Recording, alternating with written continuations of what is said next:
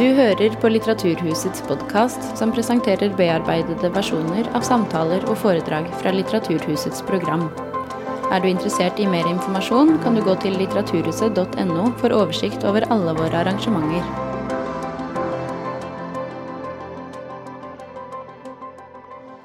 Kjære alle sammen. Velkommen hit til Litteraturhuset og til denne samtalen med Thomas Korsgaard og Vigdis Hjort. Mitt navn er Susanne Kalutza, og jeg er leder ved Stiftelsen Litteraturhuset. Thomas Korsgaard har gått sin seiersgang i den litterære offentligheten siden han debuterte i 2017, bare 21 år gammel. Trilogien om Tue, som oversettes til norsk av Hillerød Larsen, har fascinert og engasjert lesere i hjemlandet Danmark, og etter hvert også i Norge. For siste bok i trilogien vant Korsgaard den prestisjefulle prisen Den gylne laurbær som den yngste forfatteren noensinne. Skildringen av Tues landlige oppvekst med en voldelig far og en psykisk syk mor, preget av omsorgssvikt og fattigdom, har truffet en nerve.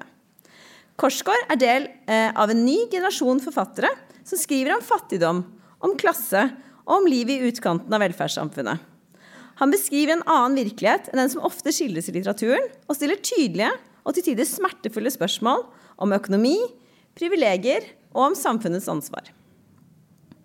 Teologien tar utgangspunkt i Korsgaards egen oppvekst og klassereise inn i den kulturelle offentligheten.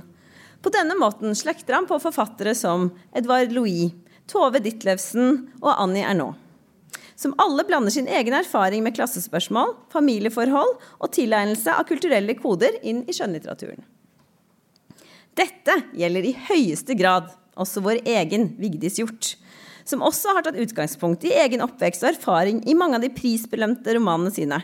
Ikke minst gjentagelsen, som ble lansert i forrige uke til strålende anmeldelser. Vi er veldig glade for å ha henne med oss her i kveld til å samtale med Korsgård om vanskelige familieforhold, klasse og skrive med utgangspunkt i seg selv. Så ta vel imot Thomas Korsgård og Vigdis Hjort. Takk.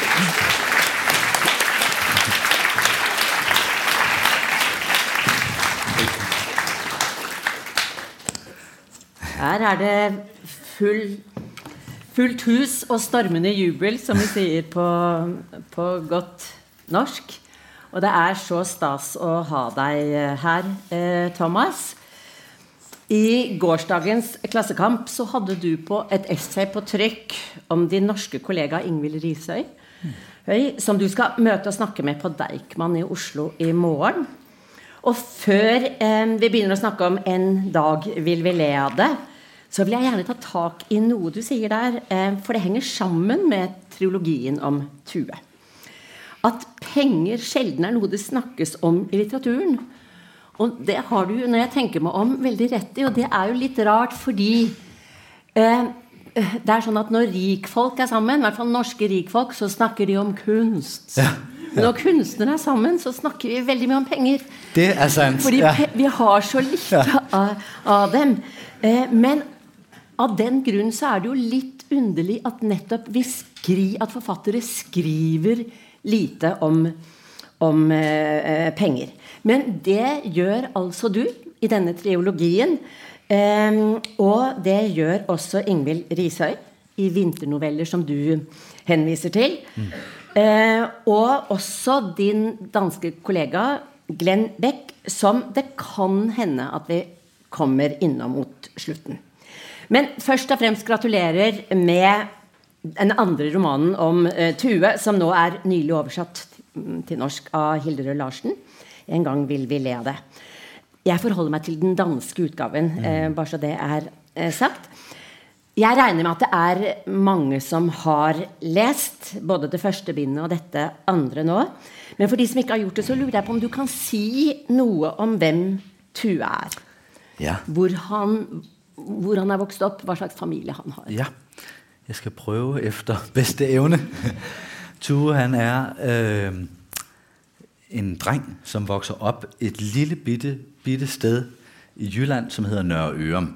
Og øh, det sted findes i virkeligheden, for jeg er også selv vokset op der.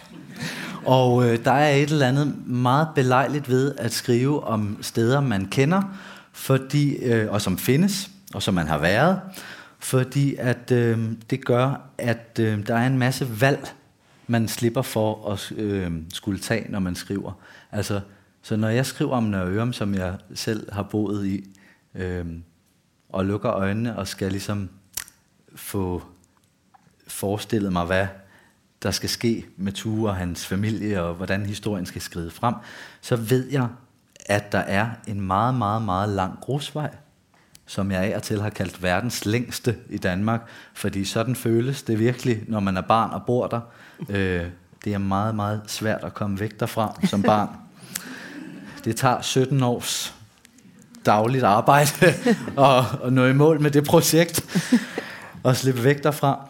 Så der er en lang, lang, lang grusvej, så er der nogle øh, landbrug, så er der en kirke, en hundepension og et bordel. og det er så, hvad jeg har haft at gøre godt med, øh, både i min egen opvækst, men også da jeg skulle skrive de her romaner om Tues liv, fordi der er jo en øh, forskel på det, fordi at øh, øh, der sker jo alt muligt, når man skriver, og der er jo også alt muligt, der ikke sker, når man skriver, det kan vi måske også vende tilbage til, men, men der er jo en forskel. Øh, men her vokser Tue op på en af de her landbrug, og det gør han sammen med sin far og sin mor og sine søskende sine yngre søskende. Og forældrene, de øh, har, har øh, kør, men det går ikke så godt med det. For det er finanskrise, vi er omkring år 2020 og 2008, øh, hvor finanskrisen jo virkelig havde fat i øh, både øh, Norge går jeg ud fra, men især også i Danmark. Og den gik hårdt ud over landbrugene, fordi mange af de her små landbrug øh, kunne ikke længere øh, ligesom bevare deres likviditet og blev købt op af sådan stordriftslandbrug. Så øh, det nu i Danmark er jo sådan øh, kapitalfonde, der ejer landbrugene. Det synes jeg sådan, øh, efter den opvækst, jeg har haft med nogle køer og en malkemaskine, og sådan et meget sådan, øh, øh sådan manuelt, for, manuelt sådan for øh, konkret landbrug, der er det meget abstrakt, at det så nu er sådan nogle AB Investment Capital Holding, der, der ligesom sidder på dansk landbrug. Det er sådan lidt øh, absurd tanke på en eller anden måde. Øh, men økonomien er ikke god, og derudover så sker der forskellige andre ting, som gør det svært for den her familie, fordi ved bog 1's begyndelse, der venter Tuves mor sig et barn, som hun mister ret sent i graviditeten, og øh, det skaber jo selvfølgelig nogle øh, psykiske reaktioner hos hende. Øh, hun får en depression, øh, og det er svært øh, for hende at arbejde. Og øh, Tues far er en, en mand, som jeg ikke nødvendigvis tænker selv har fået så mye kærlighed som barn. I hvert fald er han en øh, indebrændt og meget sprogløs mand. Og øh, har en tendens til vold, hvis man kan sige det sådan. Og øh, det gør jo, at det er et meget uforudsigeligt og omskifteligt hjem at vokse op i. Men det er jo ikke desto mindre det, han skal og må. Og øh, det er altså ligesom det vilkår, min bog handler om. At må stå den ventetid igennem med at sidde i sådan et hus med en familie, der har det så svært, og vente på, at man bliver gammel nok til, at man kan komme væk fra det. Mm. Og det er jo da i det bindet som vi først og fremst skal snakke om eh, her i dag, en dag um, må vi, eh, kommer vi til å le av det. Um, Jeg har ikke gjort det let med tre så lange titler. og, øh, og der er ingen i Danmark, der kan finde rundt i det heller. Men, øh, så, ja. men, men det jeg tænker på er, at øh, da det første bindet kom, så fik du reaksjoner fra din egen familie. Ja. Og dette tror jeg ikke norske lesere er klar over. Kan du si noe om hva slags reaksjoner, og om det kom overraskende på det? Ja, øhm, ja det, mm, om det var overraskende, det der skete jo det, at den her bog skulle udkomme, og den havde jeg skrevet for mig selv, og jeg havde ikke spurgt nogen om lov, eller vist manus til nogen og bedt om godkendelse, fordi at Øh, selvom jeg var ny forfatter, så havde jeg jo alligevel brugt vældig lang tid på det, og overvejet hvert et ord, og øh, øh, sådan, gjort mange ting, som, som gør, at jeg aldrig nogensinde vil kalde det her selvbiografi, men øh, at det er baseret delvist, eller en eller anden grad på erfaringer, som kommer fra det rigtige liv. Det, øh, det, det kan man roligt sige, men det gør alt, hvad jeg skriver, øh, og alt, hvad jeg skriver på nu, også for den sags skyld. Det, jeg tror ikke, man kommer udenom det, hvis det skal være en lille smule, have lidt at sige andre mennesker.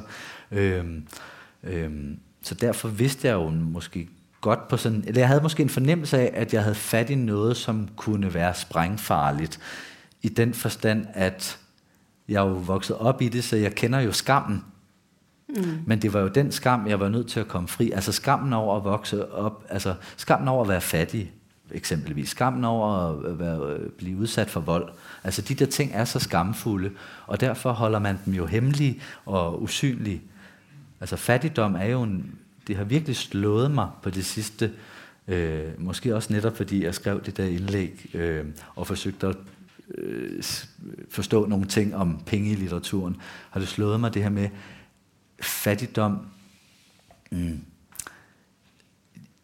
Så mange mennesker har læst de her romaner i Danmark, og nu også efterhånden er der nogen, der har læst med i Norge, og det har slået mig, hvor mange der jeg er blevet chokeret over, hvor mange der er blevet chokeret over, at den her type fattigdom stadigvæk findes. Og, fordi, og det er jo klart, for jeg er jo vokset op i den, jeg har, kender den jo ud og ind, øh, men det er kommet bag på mig, og jeg tænker på, om vi simpelthen har et lidt forældet billede af, hvordan fattigdom er og ser ud. Altså jeg tænker på, om vi forestiller os øh, øh, Knud Hamsons sult, øh, den hovedperson, som ligger og spiser blyantstumper, eller den lille pige med svoglstikkerne, eller sådan en lierkassemand, eller noget af den stil. Fordi at øh, det er egentlig ikke kun sådan, at jeg tænker på fattigdom og fattige mennesker. Fordi fattigdoms natur er jo at skjule sig. Mm. Fordi alle mennesker har jo et behov for værdighed og for oprejsning og være ranke. Så de perioder af mit liv, hvor jeg har været allermest fattig, der har jeg jo sådan forsøgt med hullerne i skoen og sådan dække dem lidt tape, og gerne i samme farve som skoen var, så ingen kunne se, at der var tape. Og, øh, og hvis man så bliver inviteret på koncert eller noget i den stil, der siger man jo ikke... Øh, øh, jeg, jeg har desværre ingen penge, jeg er meget, meget fattig. Nej, der siger man, det er desværre for dyrt, eller jeg har ikke, øh, jeg har ikke så mange penge. Man vil, vil ligesom aldrig øh, tage de der, øh, den, den ærlighed i brug. Så, så der er en skam, der knytter sig til de her ting, som også holder det usynligt for omverdenen. Og det er det samme med vold. Og øh, så er der jo så den anden del af det med vold, og have sådan nogle erfaringer med sig at hvis man øh, skriver et debatindlæg om det, eller en selvbiografi for den sags skyld, der øh, træder man jo ind i noget, hvor man øh, bliver... Øh, forholdt det, og øh, folk skal tage til genmæle og have lov til at forsvare sig og de her ting. Men skønlitteraturen er jo et frirum, hvor vi kan få lov til at øh, læse om, og øh, for nogle af os vedkommende også skrive om nogle af de erfaringer, som ellers aldrig nogensinde vil finde sin vej ud til virkeligheden, fordi at, hvordan skulle man finde modet øh, ellers, ikke? Fordi der, der skal folk jo have lov at forsvare sig. Så, så derfor følte jeg mig sådan på tryg grund, da den første bog skulle udkomme, fordi at jeg øh, fordi det var en roman, mm. og fordi jeg i den, på den måde kunne snakke om nogle vældig svære ting, med en følelse af, at det skal nok gå, fordi det her er en roman, og jeg har lavet lidt om, og jeg ved, hvad jeg gør. Så derfor kom det bag på mig, at min bror meldte sig på banen i, i avisen. Din yngre bror? Min yngre bror, mm. ja. Og øh, sagde, at jeg løg og undsag alt. Det kom vældig meget bag på mig. Øhm, og det... Øh, øh, er jeg aldrig gået ind i, og den journalist ville jo gerne have mig til at øh, stille op til den artikel, og det, det ønskede jeg ikke, fordi det synes jeg, jeg synes, den bog må tale for sig selv. øhm, men jeg synes, øh, jeg er glad for, at det først skete, efter bogen var udgivet, ja. fordi øh, der er jeg ikke sikker på, at jeg havde tur at debutere. Nej. For det, var, det er voldsomt, mm. den slags. Selvfølgelig er det det. Men, men, men øh, Ja, men altså, hvor er det dog godt, at vi så også har forfattere, også yngre forfattere, rundt omkring i verden, vi kan skæve til og se, at andre har gjort det. Og så kan man finde lidt eksistensberettelse ja. i det. For der gik jo ikke så vældig længe efter min debut, før jeg lå på stranden og var lidt skælvende efter den her øh, omgang i Danmark. Og så lå jeg og hørte skønlitteratur på P1, og der var jo et langt program om en nomineret til Nordisk Råd for Norge, der hed Vigdis Hjort, og jeg anede ikke, hvem hun var. Men hun havde skrevet en bog, som... Øh, hvor der var blevet lavet en, en stor debat om virkelighedslitteratur og det ene og det andet. Og der skyndte jeg mig hen til boghandleren og købte den og tænkte, det her er jo helt vildt.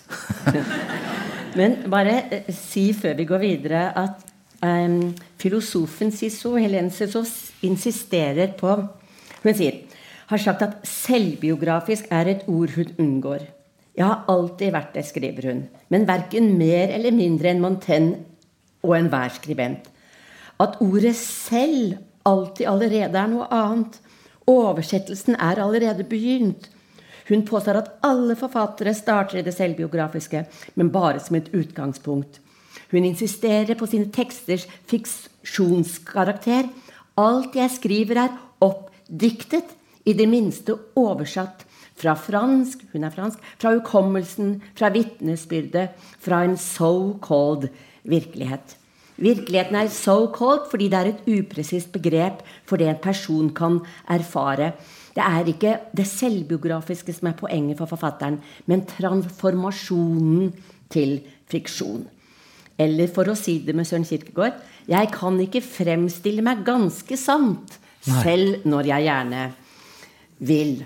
Nej, det er rigtigt. Så, men, men, og da tenkte jeg at eh, når du da skulle begynne på bind to, som jo er et, et rått bind, tenker jeg på, hadde du da din families, din brors stemme og reaksjon i bakhodet? Jo, gjorde det noe for arbeidet ditt? Ja, Ja. det gjorde en hel del. ja. øhm, og det er klart, jeg og efterhånden som jeg har prøvet at skrive en bog nogle gange nu, så må jeg da sige sådan på et mere generelt plan, at, at øh, den, det sted, man står i livet, altså øh, det, man oplever, det sted, man er, og så skal man til Norge, og så sker der noget i ens privatliv. Altså alt siver jo på en eller anden måde ind i det, man skriver på. Ikke, ikke sådan, at, at det er så det, det kommer til at handle om i helt konkret forstand, men, men stemninger og tematikker og det, man er op, det, det kommer alt sammen ind, og så kommer det også ud igen, øh, sammen med de der romanfigurer. Øhm, og det gjorde det selvfølgelig også at opleve øh, at få sådan en start på sit forfatterskab. Det er helt klart. Øh, fordi at øh, jeg tror på en eller anden måde, altså jeg, da jeg skrev den første bog, der prøvede jeg virkelig, det var jo lidt af nogle mærkelige omveje, at det overhovedet lå sig gøre, at jeg kunne komme til at skrive den, fordi øh, da jeg boede der i Nørre Ørum, altså forfatter, det var ikke noget, man på nogen måde kunne drømme om at blive der. Altså, der, der var ingen forfatter, der boede der. Der var ingen kunstner. Der var en, som spillede lidt musik. Og, hun, og hende sagde alle om, hun er kraftet med for viderekommende. altså, det var underligt. Og øh, derfor sådan at være et barn der, som på en eller anden måde havde lidt nogle drømme om at udtrykke sig, eller øh, gøre noget med skrift, skrive, øh, der var det mest sådan konkrete, jeg kunne forestille mig, det var at blive journalist. Så det var egentlig sådan det, jeg sådan tænkte, jeg skulle være. Øh, men inderst inde ville jeg nok allerhelst skrive bøger, og prøve at se, om jeg kunne få det til at skrive noget, som kunne give andre den oplevelse, jeg selv har haft så mange gange, ved at ligge i min seng på mit værelse og forsvinde i noget, og det er så lyslevende, og de verdener, der opstår, alt det der, det kender jeg jo alle sammen og har prøvet utallige gange, og det er jo så magisk, altså, men hvis det kunne lade sig gøre, så ville jeg virkelig være taknemmelig. Ikke? Mm. Det var, det var den, min hemmelige drøm. Og øh, så skete der jo det, at jeg begyndte at skrive lidt ting rundt omkring, og øvede mig i at måske skrive et lille debatindlæg, eller øh, et lille essay, eller hvad det nu kunne være. Og det var alt mellem himmel og jord, og det var egentlig ikke så vigtigt, hvad det var, eller hvad det handlede om, fordi det, der var allervigtigst for mig, det var først og fremmest at komme på tryk, så andre mennesker kunne se, at jeg var et menneske, der skrev. Det var det altafgørende, fordi der er det jo lidt nemmere at så måske finde vej hen til, hvordan man så sidenhen kunne skrive en bog. Så jeg på, gjorde alt, alle mulige forsøg på at skrive alt muligt i sådan en desperat øh, øh, det var desperate forsøg på ligesom at få, få på skrift, at jeg var en, der skrev. Mm. At få den identitet mm. på en eller anden underlig måde. Fordi derfra tænkte jeg, der kan det blive lettere og så komme til, hen til det væsentlige. Og så skete der de mirakuløse, at da jeg havde fået nogle ting på tryk, der blev jeg pludselig en dag kontaktet af en fremmed dame ved navn Ulla, som jeg ikke kendte overhovedet. Øh, jeg anede ikke, hvad, det, øh, hvad hun ville. Øh, der stod bare en, i hendes mail, Hej, øh, har du lyst til at drikke kaffe fredag klokken 9? Hils Nulla. Jeg tænkte, det var da mærkeligt. Hvad, hvad er det for noget? Og umiddelbart havde jeg egentlig ikke så meget lyst til det. Jeg blev mere sådan lidt øh, skeptisk. Sådan, hvem er denne fremmede person? Men så rullede jeg ned i bunden af mailen, og så stod der øh, redaktør Lindhardt Ringhoff Forlag. Og så ombestemte jeg mig fuldstændig. og så jeg kommer fredag klokken 9. Og der mødte jeg op, og der sagde hun, hun havde læst nogle af de her ting, jeg havde haft trygt rundt omkring og øh, at hun jo var redaktør på det her forlag, og en del af det job, det var at holde lidt øje med nye stemmer rundt omkring, om der var nogen, der havde potentiale, og hun ville altså bare sige, hvis jeg havde en roman liggende, så måtte jeg endelig sige til, for så ville de hellere end gerne læse med. De kunne ikke love noget, men de ville gerne læse med. Og jeg var 19 år, og havde ikke lige en roman liggende. Men øh, det var jo en meget, meget stor chance for en ung mand, der slet ikke havde noget begreb om, hvordan man blev forfatter. Så jeg sagde, det er sjovt, du siger det. Men jeg må bare lige have lidt tid til lige finpuste det sidste, og sådan ret et komma og sådan noget. Så hvis jeg må, næste fredag kan jeg, vi kan aftale, at jeg sender det til dig der, så, så, øh, så skal jeg nok lige få styr på det sidste. Og så hold da op, det var da fantastisk. Men det glæder jeg mig til, at vi skrives videre med en uge. Og så gik jeg jo hjem og øh, gik voldsomt i panik, fordi jeg havde jo absolut ingenting. Øh, og, øh, men jeg vidste på en eller anden måde, at jeg havde et stof. Mm. Og det stof havde noget at gøre med det sted, jeg kom fra. Men jeg på en måde turde ikke helt at skrive om det, og samtidig med det, så synes jeg ikke rigtigt, at jeg kunne se så mange andre forfatter, der havde øh, skrevet om sådan et sted. Så derfor tænkte jeg, ah, det, kan nok ikke, det vil de nok ikke have, for det er jo mere sådan... Øh, øh, nogle andre, det er jo mere kærlighed og øh, lidt konflikt. Og, altså, det var lidt nogle andre ting, der var i de, og digte, var der var rigtig mange digte, der blev udgivet. Mange digte det år. Og der tænkte jeg, det kan være, det er det, jeg skal skrive. Det er det, der er det attraktive. Og så prøvede jeg så at skrive noget på vers, og det var sådan noget, hvor jeg postulerede at have levet nede i en bunker i mange år, og været junkie, og sådan øh, meget sådan, øh, ja, sådan en en meget barnlig forestilling om at være sådan en rave-person, der skrev digte, og det blev så dårligt. Og det sendte jeg heldigvis ikke ind til hende. Men sådan, der var hele tiden sådan nogle tanker om, hvad en rigtig forfatter var og skulle og måtte. Og øh, heldigvis fik jeg rystet lidt af de tanker væk fra mig aftenen inden det blev den næste fredag. Og der kom der en sætning til mig, som altså, øh, hvorfra ved jeg ikke, men det føltes faktisk lidt spirituelt, og det lyder jo skørt at sige sådan. Men pludselig stod der bare på min computer, hvis min far døde i morgen, tror jeg, jeg vil rejse mig op i kirken og holde en tale. Og det, der var fantastisk med den sætning i forhold til alle de andre, jeg havde forsøgt at skrive, det var, at der pludselig kom flere efter den. Og til sidst lå der fem sider, og der havde jeg faktisk noget, som jeg tænkte, det her har det har en noget, jeg har noget, jeg vil sige. mm. Jeg har noget på hjerte i det her. Og så sendte jeg dem til Ulla. Og så skrev hun, hvor er det godt, send endelig resten. og det tog så to år. Og de to år gik jo med for det første at finde ud af, altså, hvordan skriver man, at læse lidt, og blive, finde min stemme, og alle de der ting, og, og, og frem for alt hele tiden holde den der øh, forestilling om, hvad en rigtig forfatter er, lidt for døren, fordi det, det, der findes jo ikke rigtige forfattere. Der er jo ikke to, der er ens. Øh, og man skal jo, altså det bedste er jo, hvis man kan prøve at være sig selv, faktisk. Øhm, og ryste den stemme af sig, og så bare skrive den roman om Nørre selvom jeg, at det både var lidt, føltes lidt farligt og skamfuldt og den slags. Og der tænkte jeg så også, da jeg havde fået fat i det, ej, nu giver jeg alt, hvad jeg har. Jeg mm. giver alt, hvad jeg ved om livet i en alder af 19-20 år. men, men sådan havde jeg det virkelig, selvom jeg ikke var ret gammel. Nu giver jeg den alt, hvad jeg ved. Jeg skriver alt, hvad jeg har, øh, alt det bedste, jeg kan give den her bog, giver jeg den, og så må det briste eller bære. Ja. Jeg vil ikke gemme noget til næste gang. Så da den bog udkom, så var jeg egentlig også sådan, øh, først tænkte jeg sådan, om det var så, hvis jeg bare måtte skrive en bog, var det denne her. Og så skete det, og det var en lang, lang, lang omvej hen for at svare på det, som egentlig var det spørgsmål, som var, hvordan prægede min bror øh, ja. families reaktion prægede skrivning af nummer to. Da den skulle skrives, der troede jeg jo egentlig så, at jeg ville være fuldstændig tom. Men det er jeg jo meget hurtigt erfaret, fordi jeg stak af et par uger efter, at, at øh, den første bog udkom. Det er jo lidt massivt, det der cirkus, man kommer ind i. Og jeg havde bare brug for at sidde i stillhed og tænke mig om, og måske skrive noget nyt. Men der fandt jeg jo ud af, at man kan ikke skrive sig tom. For der dukker bare noget nyt op. Og det, der dukkede op for mig, for det har jo aldrig været en planlagt øh, som en trilogi, det var, at nu havde jeg brugt så meget energi på en bog, der primært handlede om faren. Men så begyndte jeg at spørge mig selv, hvem er moren overhovedet? Hvad, hvad er der med hende? Hvad er der med mor? Og der, øh, der skrev jeg en scene, hvor Tue sidder i en bil med sin mor, og hvor hun fortæller ham, at hun har en affære. Og det er jo en lidt stor betroelse at komme med til sit barn. Og øh, der var jo lagt op til, alt muligt kunne ske efter den scene var der. Og, og der måtte jeg bare ligesom fortsætte med at være sammen med de her mennesker. Og pludselig var der 60 sider.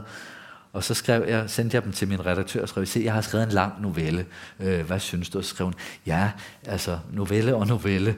Det minder lidt om begyndelsen på en roman.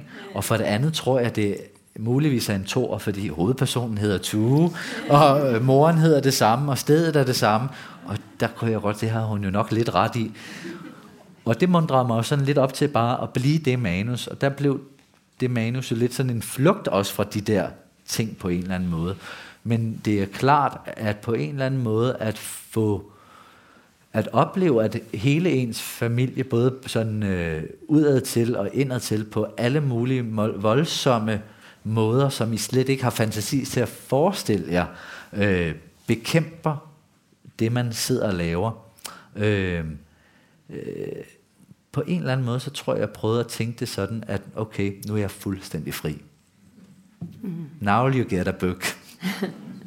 Uden at det blev på en, altså ikke ment på en ond eller hævngav måde, fordi der er ikke så meget at hente litterært der, for der må være tvivl og øh, undersøgelse på spil. Øh, men, men det var frigørende faktisk. Ja. På en eller anden underlig måde var det det.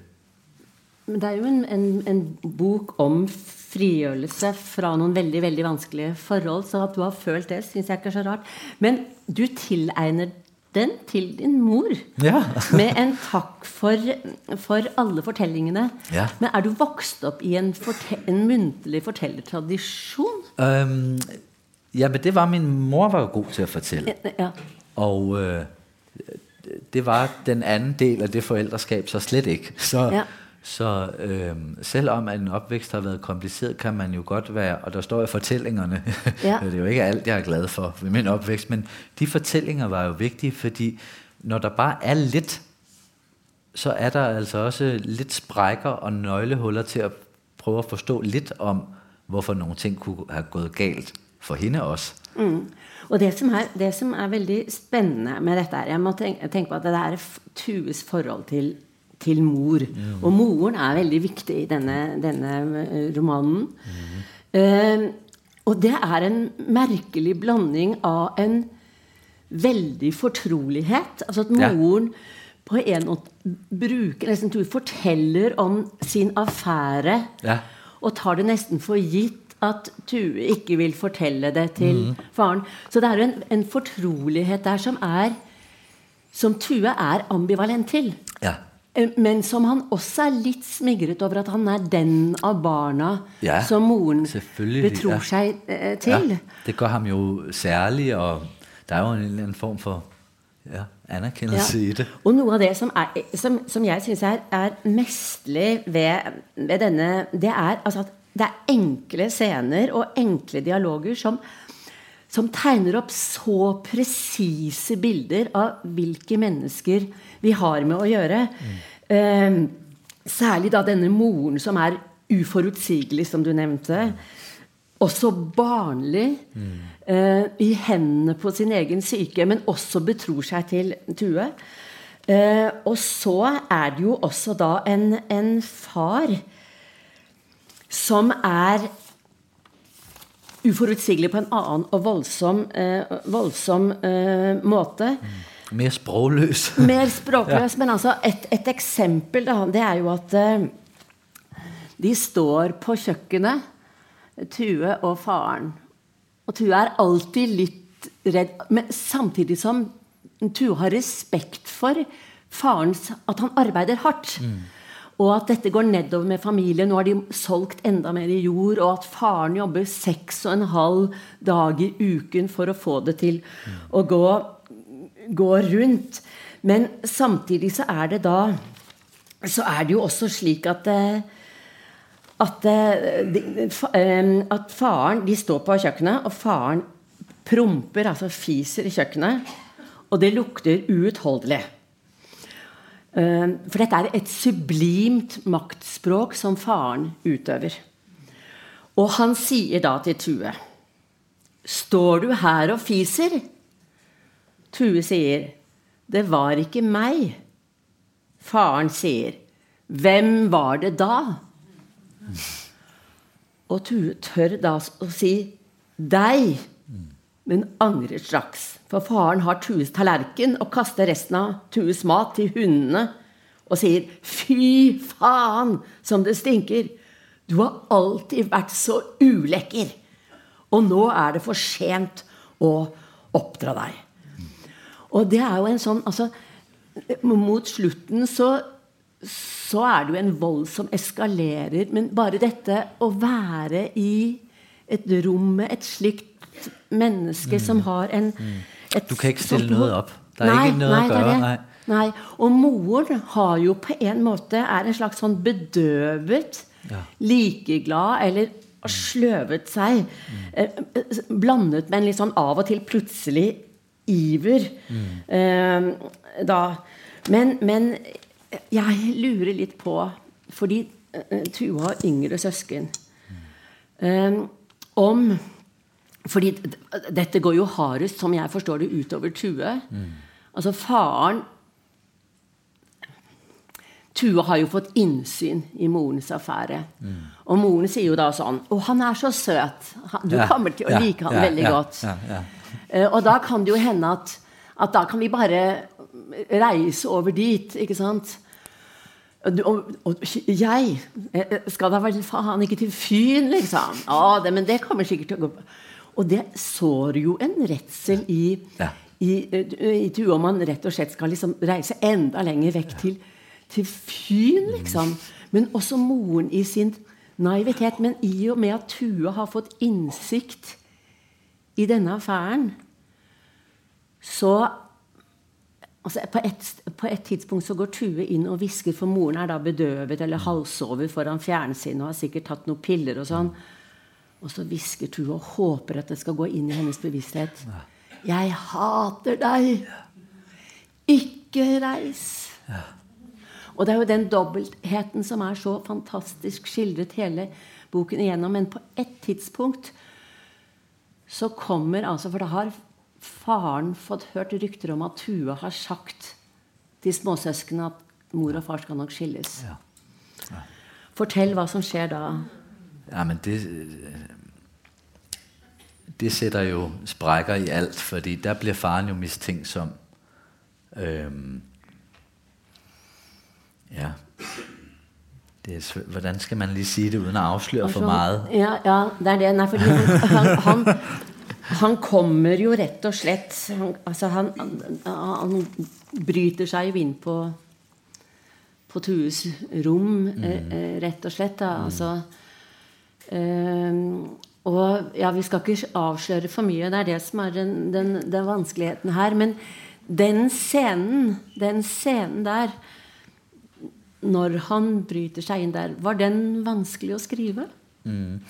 Der er flere der er flere scener, som er sådan, øh, jo egentlig sådan ret, på en eller anden måde, meget sådan, det er jo en ret konkret bog. Jeg, den er fyldt med, eller begge bøgerne er fyldt med dialoger og øh, handling, og det er sådan holdt i et meget nøgternt sprog, tror jeg godt, man kan kalde det, hvor jeg forsøger at vise det frem.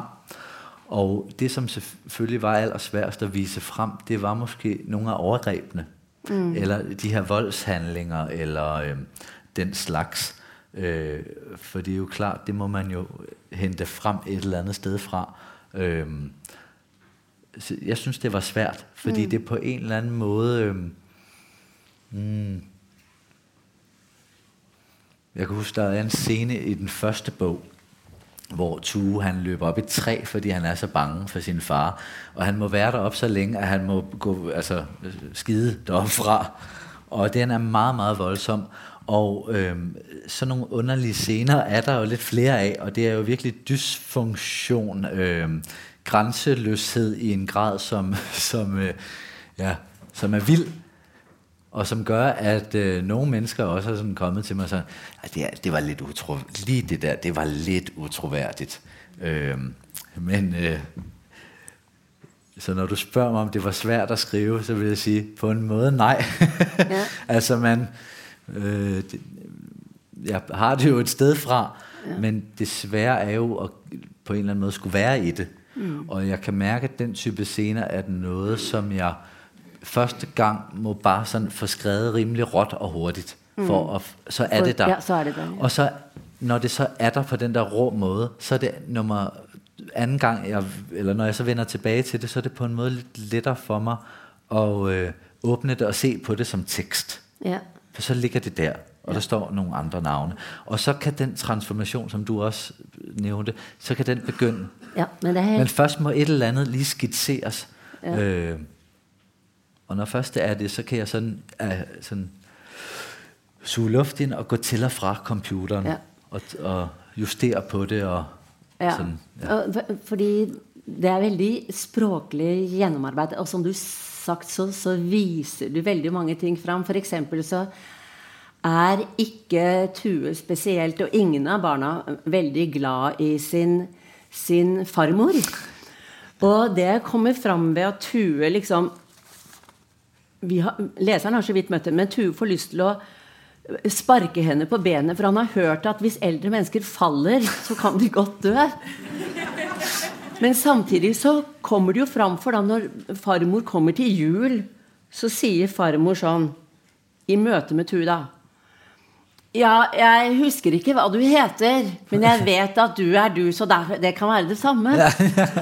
Så man, man skjønner jo det. Men det jeg har kommet på under denne lesningen fordi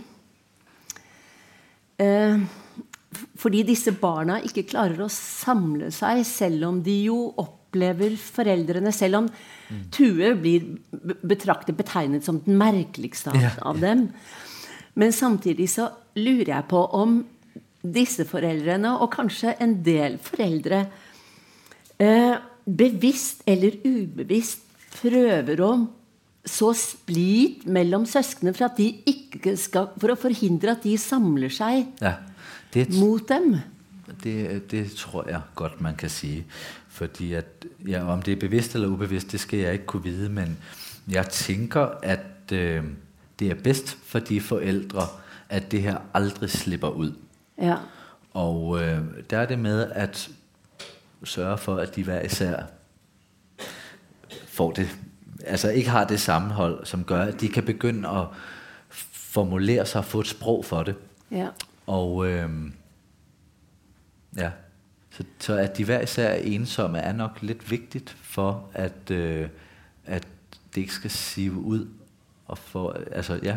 Mm. Det, det. Så mot, mot slutten av romanen så kommer Vi skal ikke røpe hva som skjer, men vi kan jo røpe at, at den yngre broren Morten og Tue har et møte. Mm. Og da Og det er da i kjølvannet at farmoren er død. Og Tue vil ikke gå i begravelsen. Mm.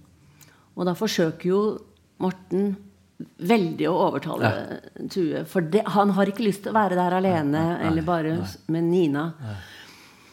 Men der er Tue veldig bestemt, for han har blitt sterk, tenker jeg på han, i løpet av det som har, det som har skjedd. Og så, så sier Morten du må vite hvor skuffet de kommer til å bli. Hvor liksom uendelig skuffet de kommer til å bli. Og så står det da Kanskje jeg ville at de skulle bli skuffet. For det ville være en reaksjon. Ja. Det ville Ja. være en form for Ja. omtanke eller vilje i det hele tatt. Så sulten er Som måske endda var bedre end den apati eller ensomhed eller følelse af ligegyldighed, han har fået fra den familie hele Ja. ja. vejen igennem ellers. Ikke? Der kan skuffelse jo godt næsten blive sådan øh, det næstbedste, Ja, ja. Eller det bedste, man kan få. Den Ja, sags ja at, at far rett og slett blir, blir skuffet. ja. Blir ja. skuffet. Det er jo også en reaktion. Ja, det er også en, en, en reaksjon. Nei, altså, jeg får veldig, jeg får veldig lyst til å, å altså, En annen ting er jo da at denne eh, moren som har en affære da med denne mannen på Fyn Fynboen. Han hedder bare Fynboen, Fynboen ja. hele bogen igennem. Og, og, og, og, og Tue, han er jo redd for at hun skal flytte, rett og slett. Samtidig som plutselig så er, kommer moren og betror seg da og sier at fynboeren er blitt syk, og han trenger en operasjon han bare kan få i Thailand. Og moren har nå fått På begynnelsen av romanen så har moren fått 900 000 i em, skadeforsikring, Ja, skadeerstatning, ja, ja. For, fordi hun kan jobbe mer. Og det skjer jo noe med maktbalansen i hele familien. Der kan hun spendere. Ja, og det gjør hun jo til dels også. Det er jo også Faren blir jo også gal av, av, av dette. Men det er klart at Tue vil jo advare ham mot, mot denne eh, mannen. Eh, og vi følger da med og med hjertet i halsen for, for eget vedkommende da når moren forsvinner og blir Ja. borte med bilen, Ja. reiser fredag Familien er alene. Faren Og hun vil ikke se ikke så det. meget. Hun rejser bare. Ja. Og ingen spør noe særlig etter henne heller. Og Tue er da Hun skal til en- købmanden, Ja, hun hun og til-. Så skal hun til købmanden. Ja. Ja, og så er det hun er meget, meget lang. ja, og er tilbake søndag kveld. Men på ett tidspunkt så sier Tue, så truer Tue med at hvis du fortsetter her, så sier jeg det til far. Ja. Hva svarer Ja, så svarer hun, så kan jeg også fortælle far noget. Fordi jeg kan jo fortælle far, du er til mænd. Mm. Og der bliver, Og da kan du se hvem som får det verst av oss, ja, sier, svarer moren, moren da. og der anerkender hun jo på en eller anden meget ubehagelig omvej, anerkender hun jo på en måde også, at hun ser, hvordan den far kan Ja. komme til at agere. ja. Ja. Og det er jo en, det er jo en, en, en altså, Jeg vet ikke om Tue opplever en form for sånn erkjennelse av at mor har i hvert fall sett det. Men det at, at hun tror at, med at hvis jeg sier det til far, at hun på en måte forteller omtrent da hva, hva faren vil komme til, hvordan farens reaksjon vil være på dette. Og dette er jo også en roman som, som handler om å finne ut av, av den type identitet i et slikt område. Ja. Men Tue har jo heldigvis noen eh, gode venninner. Ja. Og særlig en som heter eh, Iben. Du kan jo Lige fortelle litt om det Kan du fortelle litt om det vennskapet? Ja, ja men Tue får en ven øh, hen mod slutningen af bog 1, øh, og øh, som bliver vældig central for ham, fordi øh, hun er fra en, øh, en sådan meget stille og rolig middelklasse familie med en mor, som øh, har det godt, og der er sti- stille og roligt, og det er ikke sådan øh, nødvendigvis det rigt eller prangende, men det, er- det er stabilt og trygt. Og øh, der har han jo selvfølgelig lyst til at tilbringe hver en vågen time, for ikke at skulle være i den øh, i, hjemme hos sig selv. Og han går på, på, på tærne, som det heter på dansk. Ja, det på gør han tå virkelig. på, ja. ja. ja, virkelig. Og øh, så er der jo så også det som også på en måde bliver en, en vej væk fra familien, som er, at han kommer på gymnasiet øh, efter folkeskolen og efter bog 1. Altså at han bliver erklæret egnet til at kunne, øh, måske på grund af sit sprog og sine, sine boglige evner, øh, får muligheden for at komme på gymnasiet inde i, helt inde i skive, og kunne øh, ja, blive uddannet. Og øh, det tror jeg, der på mange måder, han synes er skønt at kunne øh, lære noget, men jeg tror da også, det i den grad er skønt at begynde at kunne ane en vej ud. Mm. Mm. Øhm, men det sprog, det er jo også noget, der kun er med til at fjerne ham endnu mere fra den baggrund. Ikke? Mm. Og øh, det kender jeg jo for den sags skyld fra mig selv. Ikke? Altså, når man vokser op blandt meget sprogløse mennesker, og selv begynder at få et, så er det, altså, der opstår noget, som er meget, meget hårdt og besværligt, fordi det er, hver gang man siger noget med, sit, med det sprog, man får, så bliver det et angreb på en mm. eller anden mm. måde. Ikke? Man kan ikke formulere sig på en måde længere, uden at der er din dumme professor. Skal du være snakke så professoragtigt? Ja. Eller hvad det nu kunne være. Ikke? Øhm, for jeg fandt jo meget hurtigt ud af som barn, at sprog er en nøgle mm. væk, eller en magt, eller øhm, jeg kan lukke døre op. Mm. Øhm, og øh, jeg kan huske at sidde foran fjernsynet og se tv, eller jeg så ikke tv-avisen, men det kørte, og det var en del af en meget sådan øh, plan, jeg havde, fordi jeg, tv-avisen kørte, eller dagsrevyen, og jeg havde min blog og min kuglepen, og så skrev jeg ned alle de svære ord, der blev sagt. Så mm. sagde verden byråkrati, og så var der blevet interviewet en politiker, som snakkede om, at han var meget indigneret, så også indigneret. Øh, og noget var øh, systematisk, eller hvad det nu kunne være. Der skrev jeg systematisk. Og alle, sådan nogle, alle de ord, jeg ikke forstod, eller som lød svære, dem skrev jeg ned. Og så fandt jeg øh, en øh, ordbog, og så fandt jeg betydningerne, skrev dem ned, og lærte mig dem udenad. Fordi at jeg havde fundet ud af, hvis man i samfundsfag og dansk brugte, rakte hånden op og sagde, ah, men øh, når, øh, når Jakob siger sådan, så bliver jeg meget indigneret. og det, så, eller det, jeg synes, det er meget byråkratisk, hvordan vi har det i elevrådet. Der blev man jo kigget på på en anden måde, og så skete der det andet mirakuløse, som var, at jeg begyndte at stille og roligt at få større og større karakter. 10 og 12, for det for, ej, han er så klog, at han kunne være hovedet. Fordi jeg kunne sige de der ord, ikke? Og øh, det gjorde jo, at jeg, ligesom Tue, blev erklæret egnet til at komme i gymnasiet. Men de der ord var jo også det, der var med til at fjerne mig fra mm. min familie. Og der var så et kompleks for mig faktisk, da jeg skulle i gang med at skrive den første bog, som var, at nu havde jeg brugt så mange år på at lære mig alle mulige mærkelige ord i hele mm. verden, så jeg kunne blive, så, fordi de ord var jo også nødvendige for at kunne læse svære ting, og kunne forstå mere, og få stillet sin nysgerrighed. For det er jo øh, nok i virkeligheden også den, som har været meget vigtig for at få mig væk derfra. En, en stor, stor nysgerrighed på verden og på mennesker. Men da jeg så skulle skrive den her bog, der havde jeg på en eller anden måde også bare fra starten af, en, vidste jeg, at jeg vil også gerne skrive en bog, som de kan, skulle, skal kunne læse. Mm. Og der måtte jeg i redigeringen sidde og slette ord som indigneret. Slet byråkrati og den type ting. Og øh, hvor det behov kommer fra, ved jeg ikke, men det siger jo på et eller andet mærkeligt niveau et eller andet om, hvor underligt det at skrive er. Ikke? Mm. For man vil løsskrive sig fra det, og væk, og nu skriver jeg, og jeg skriver kun for mig selv, men jeg vil også nu også gerne have, at I skal kunne forstå det. Og men det er også noget af det, som er det mesterlige ved disse romanene, fordi du netop beholder dette, og du, på, på sin måte så blir jo disse menneskene også taleføre. Og når faren sier, skal liksom karakterisere moren til Iben da, så sier han jo sånn her, hun er jo også ganske gokk-gokk. Hun er jo sånn, sånn som overutdannede ofte blir, ikke sant? Og han som, eller, eller også laver show med det da. Selv om ikke han som heter PO, eller PQ. OP, ja. ja, ja. OP, OP, som da skal eh, få seg en kæreste fra utlandet.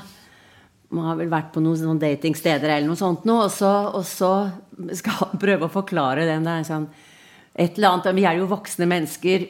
We are big humans. altså er, men, men det er også, også faren når faren er Hvis vi ikke var så redd han.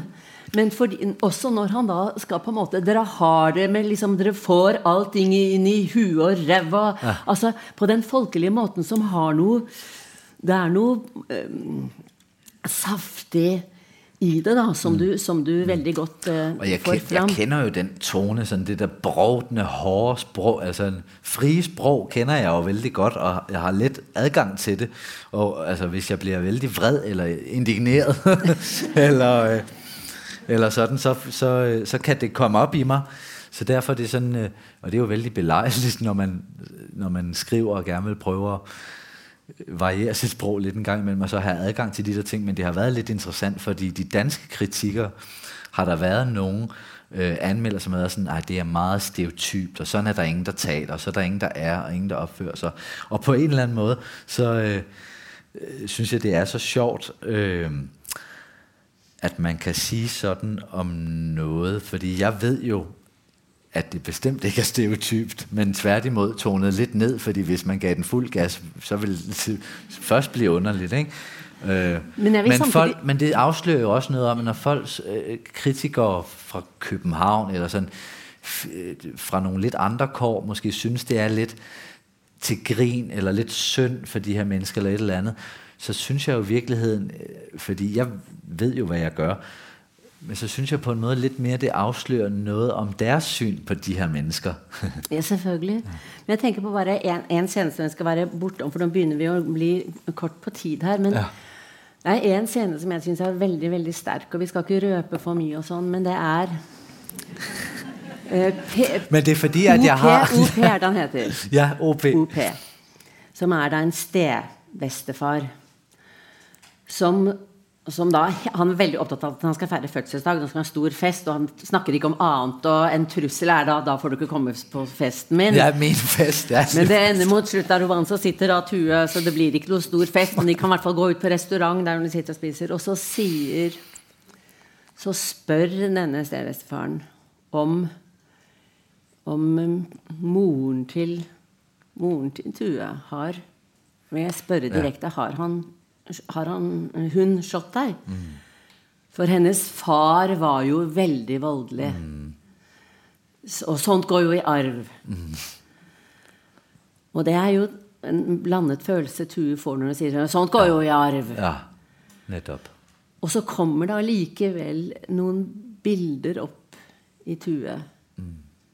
Som det er, det er smertefullt, da, som kommer og, og, han ikke forstår altså Kom dette fra, eller kommer ja. det ikke fra? Eller har dette skjedd, eller har det ikke skjedd? Men ja. det kom, og det var så sterkt. Ja. Og det kommer så uventet, det spørsmål, og det bliver ligesom Det sætter i gang i meget, meget mere end ja. end OP måske har kunnet overskue. Ja. Ikke? Og måske spørger han bare for ligesom at få det nej, som Tue oftest vil sige. Ja, ja. Men det som er interessant, eh, det er at når Tue kommer hjem, og moren ligger Jeg tror de da Han oppsøker på en måte sin mor, og det er de to som er der. Og de legger seg i skje. Mm. Og så sier og så er det litt sånn, For det er litt trangt der, og sånn, og så sier Moren er litt sånn, og så sier Tue 'Jeg har det litt merkelig'. Mm.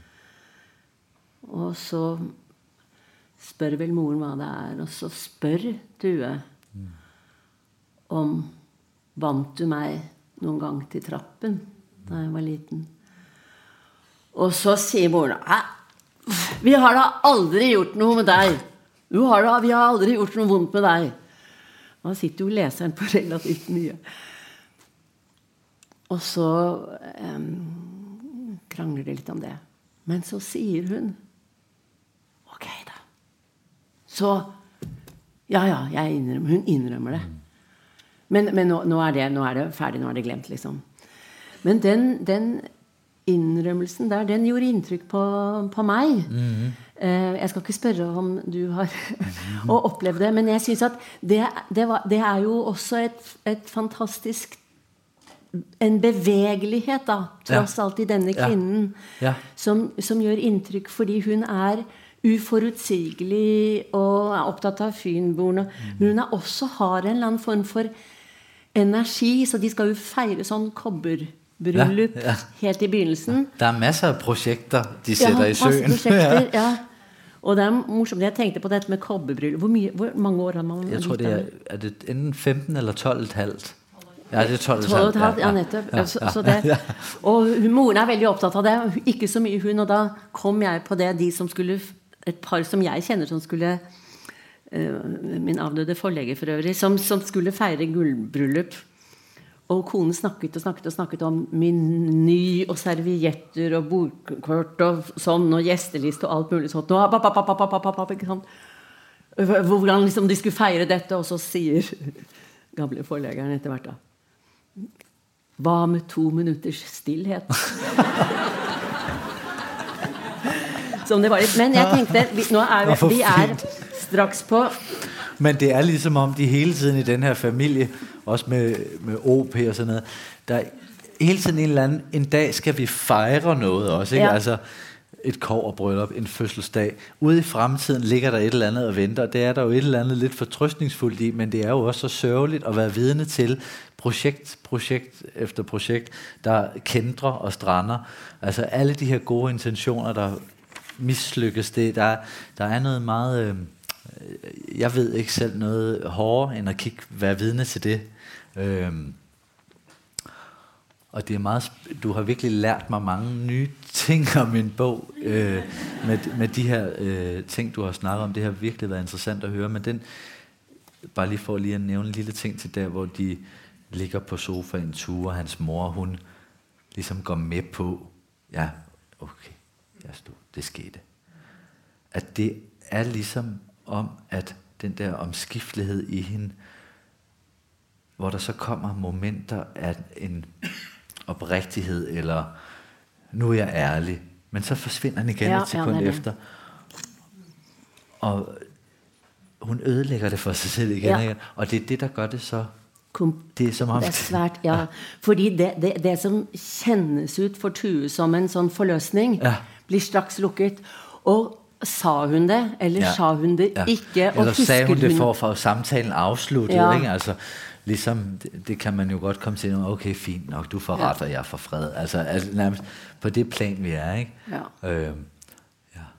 Og da, så da, da skal vi rett og slett avslutte. Og jeg tenkte da at noe av det som jeg syns er veldig fint i denne romanen, det er at den, det er en sånn, at du klarer å beskrive dragningen mot undergangen, som sikkert eh, mange kan kjenne, i hvert fall perioder av, av livet. Og det er når, når faren til Tue og hans drikke- og hasjkamerat er der, eh, og er sammen og sånn, så skriver Eller det står det liksom da at de var ikke altså, De hadde plutselig ikke mer øl, og så begynner de å lete febrilsk etter Har det sprit her, er sprit her? Og så sier, står det De var ikke alkoholikere, men det var som om de gjerne ville være det. Og det tænker jeg på det at, at jeg husker en gang på i Forfatterforeningen hvor det drikkes veldig mye, så var det en av de mest, mest fulle som hadde falt ned i trappeoppgangen på hotellet. Så lå der nede og ropte på en nynorsk kanskje sånn 'Hjelp meg opp! Hjelp meg opp!' Så hører jeg da han og hans kollega som da står over og ser ned i trappeoppgangen på den. 'Hjelp meg opp! Hjelp meg!' Nei, det klarer jeg ikke. Men jeg kan komme ned og legge meg ved siden av deg. Og sånn er det Sånn er det å lese Thomas Korsgaards romaner om Tue. Det er noen som kommer og legger deg ja. ved siden av deg, presis der du er. ja, det er langt nemmere, ja. Og det er vi veldig takknemlige for. Så tusen Takk, takk, for at du kom til Oslo. Tusind Thomas.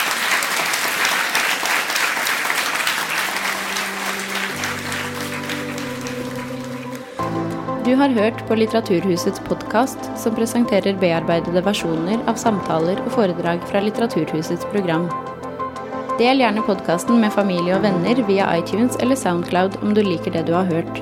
Følg oss også på Facebook og på litteraturhuset.no for informasjon om flere aktuelle arrangementer. Musikken er laget av Apotek.